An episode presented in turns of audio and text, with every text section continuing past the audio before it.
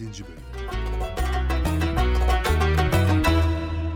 Hükümdarımız çok, çok üzgün. Gerçi hanımıyla arası biraz bozuk ama ne yapsam ki? Ona hanımından daha yakın kimse de yok. Ben durumu eşine bildireyim. Görevimi yapmış olayım.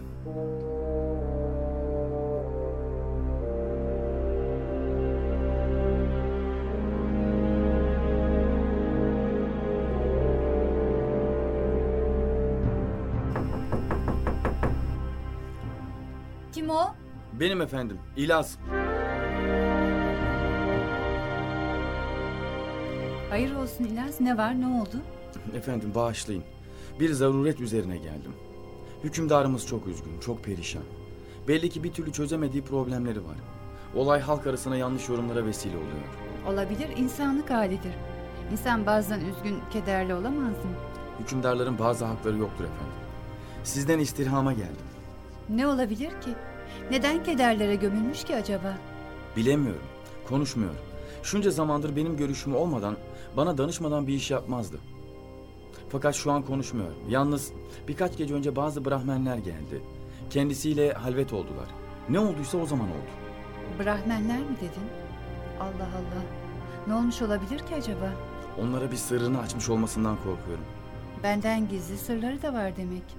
Size açılabilir efendim. Biliyorsunuz sizi çok sever.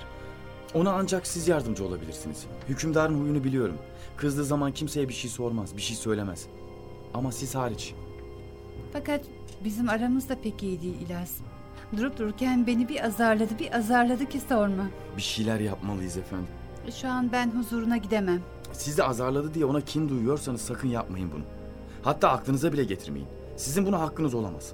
Şu an onun huzuruna girebilecek bir tek kişi var, o da sizsiniz efendim. Nasıl yapsam acaba? Size bir şey daha söyleyeyim. Kendisinden çok işitmişimdir. Derdi ki üzüntüm ne kadar büyük olursa olsun ilaht yanıma gelince kederim dağılmıştır. Hemen efendim hiç vakit geçirmeden gidin. Kendisini bağışladığınızı bildirin. Belki hiç kızmadığınızı söyleyin.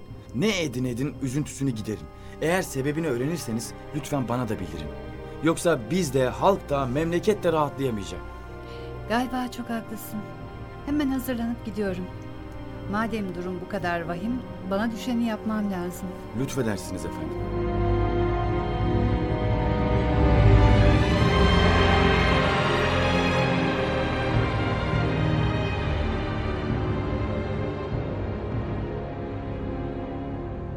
Hükümdarın hanımı İrat hazırlanmış ve hemen hükümdarın huzuruna girmiş. Hükümdar gerçekten kara kaygılardaymış.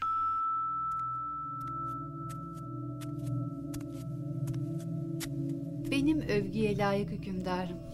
Çok ama çok değerli eşim. Nedir bu halin? Brahmenlerden ne duydun ki böyle perişan oldun? Bu haline çok üzülüyoruz. Bize düşen neyse yapmaya hazırız. Sana yar olmak için kendimizi fedaya da hazırız. Git be kadın. Durumumu sorup da kederimi arttırma. Çünkü bu sormaman gereken bir durum. Yani şimdi yanında buna layık bir hale mi düştüm? Akılca insanların en övgüye layık olanı kimdir bilir misin? Ne demek istiyorsun sen? Başına bir bela geldiğinde kendisine öğüt verenlerden daha ziyade hakim olan, öğüt verenleri dinleyen, çare arayan, araştıran, danışandır. En büyük günah sahibi bile rahmetten ümidini kesmiyor. Bırak artık bu keder ve üzüntüyü. Kaderde ne varsa o olur, hiç merak etme. Düşmanlarını sevindirme. Ne dedin sen? Ne dedin? Dedim işte diyeceğimi. E, en son ne söyledin? Bir daha söylesene. Hay Allah. En son ne demiştim ki? E, Kaderde ne varsa o olur. Düşmanlarını sevindirme dedim. Bak hanım, beni zor duruma sokuyorsun. Zor sorular soruyorsun.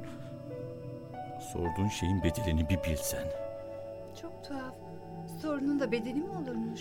Hem bir bedeli var ki benim senin devlet ileri gelenlerinin ve halkımın çoğunun hayatına denk bir bedel. Brahmenler seni ve sevdiklerimden çoğunu öldürmemin gerekli olduğunu iddia ettiler. Sizlerden sonra benim için hayatın ne önemi kalır ki? Kim bunu duyar da üzüntüye kapılmaz? Kim? Bak sen. Fakat değerli efendim hiç üzülme. Biz hepimiz senin için feda olmaya, kurban olmaya hazırız. Cariyelerinin içinde elbet seni mutlu edecek birileri bulunur. Neden böyle konuşuyorsun hanım? Sadece senden bir tek dileğim olabilir. Nasıl bir dilek? Beni buna sevk eden sana olan sevgim ve seni kendime tercih edişimdir. Sana sadece bir öğüdüm var.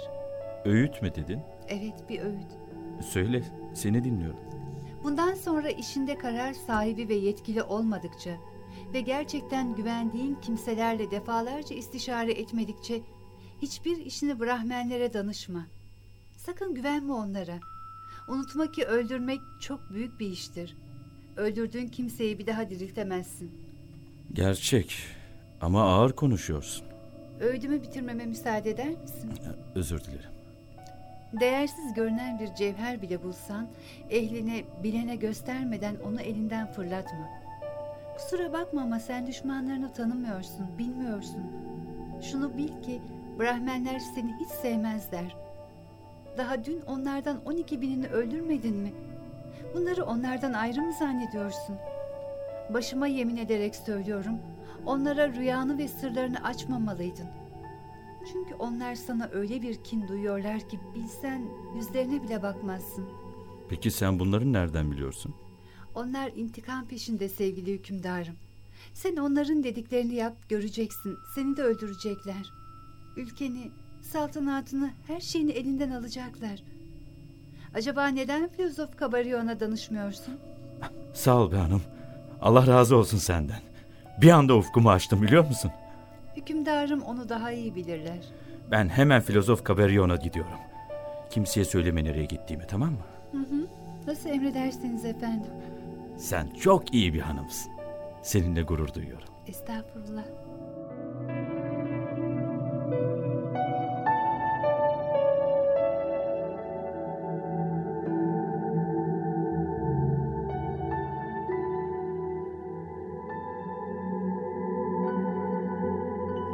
Hükümdar hemen gizlice filozof Kabaryon'a gitmiş. Kabaryon dağda bir mağarada inzivada yaşıyormuş. Bütün işi ibadet ve taatle meşgul olmakmış. Atından inmiş, seslenmiş. Filozof Kabaryon! Filozof Kabaryon! Filozof Kabaryon! Kim o? Ne istiyorsun? Benim ben! Ben! Hükümdar! Hayırdır inşallah. Ne oldu? Neden geldiniz? Oo, renginiz de pek soluk. Bir zaruretten dolayı ziyaretinize geldim efendim. Şeref verdiniz saygıdeğer hükümdarım. Safalar getirdiniz. Buyurun şöyle içeri geçin.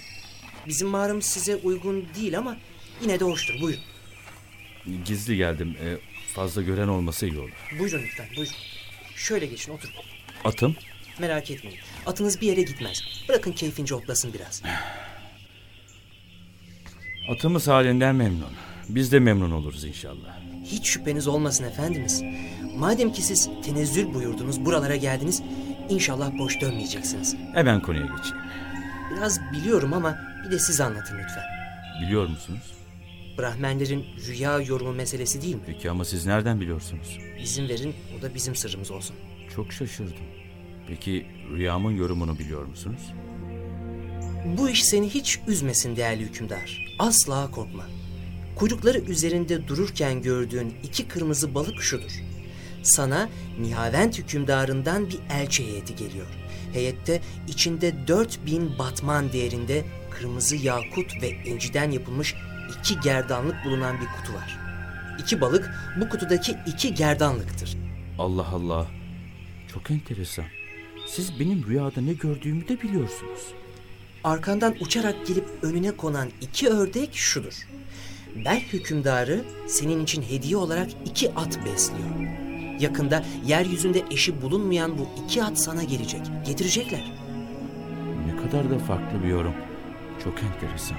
Sol ayağının üstünde yürürken gördüğün yılan, Sincin hükümdarının sana göndereceği eşi bulunmaz halis çelikten harika kılıcı temsil ediyor. Yakında getirip sana takdim ederler. Demek o hükümdar da bizim dostumuzmuş. Ne güzel. Vücuduna sıvanmış gibi gördüğün kana gelince Kazerun hükümdarı kendisine ve size erguvan ipek bir elbise hazırlatıyor. Onu giyeceğinize delalet eder. Siz bunları nasıl biliyorsunuz?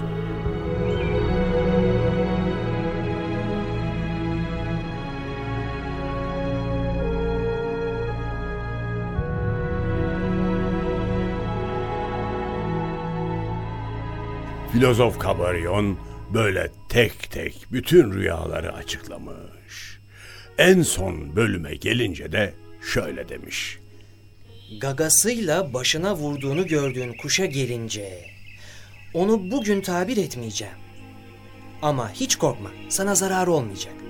Yalnız bugünlerde sevdiklerinizden birine kızıp küsebilirsiniz. Yedi gün sonra saydığım elçiler gelmeye başlayacaklar. Ne diyeceğimi bilemiyorum efendim. Şaştım kaldım. Şimdi işinin başına dön. Kimseye bir şey hissettirme ve sakın kedere dalma. Göreceksin her şey çok güzel olacak. Hükümdar sevinçle sarayına dönmüş. Gerçekten de yedi gün sonra elçiler gelmeye başlamış. Kabaryon'un söylediği hediyeler bir bir getirilip hükümdarın önüne konmuş.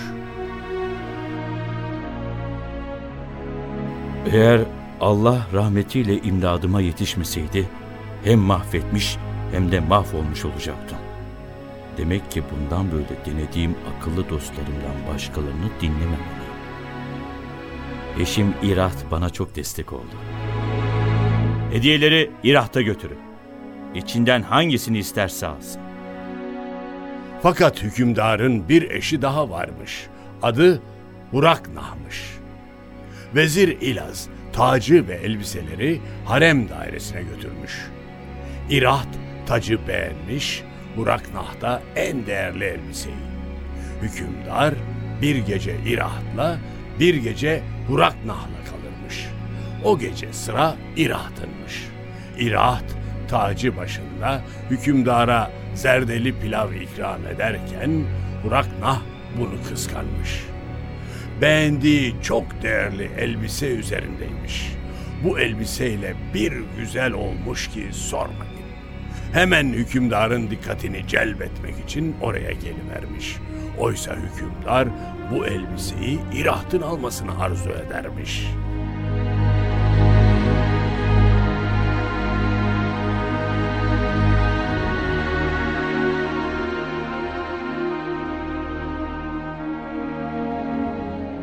...57. bölümün sonu.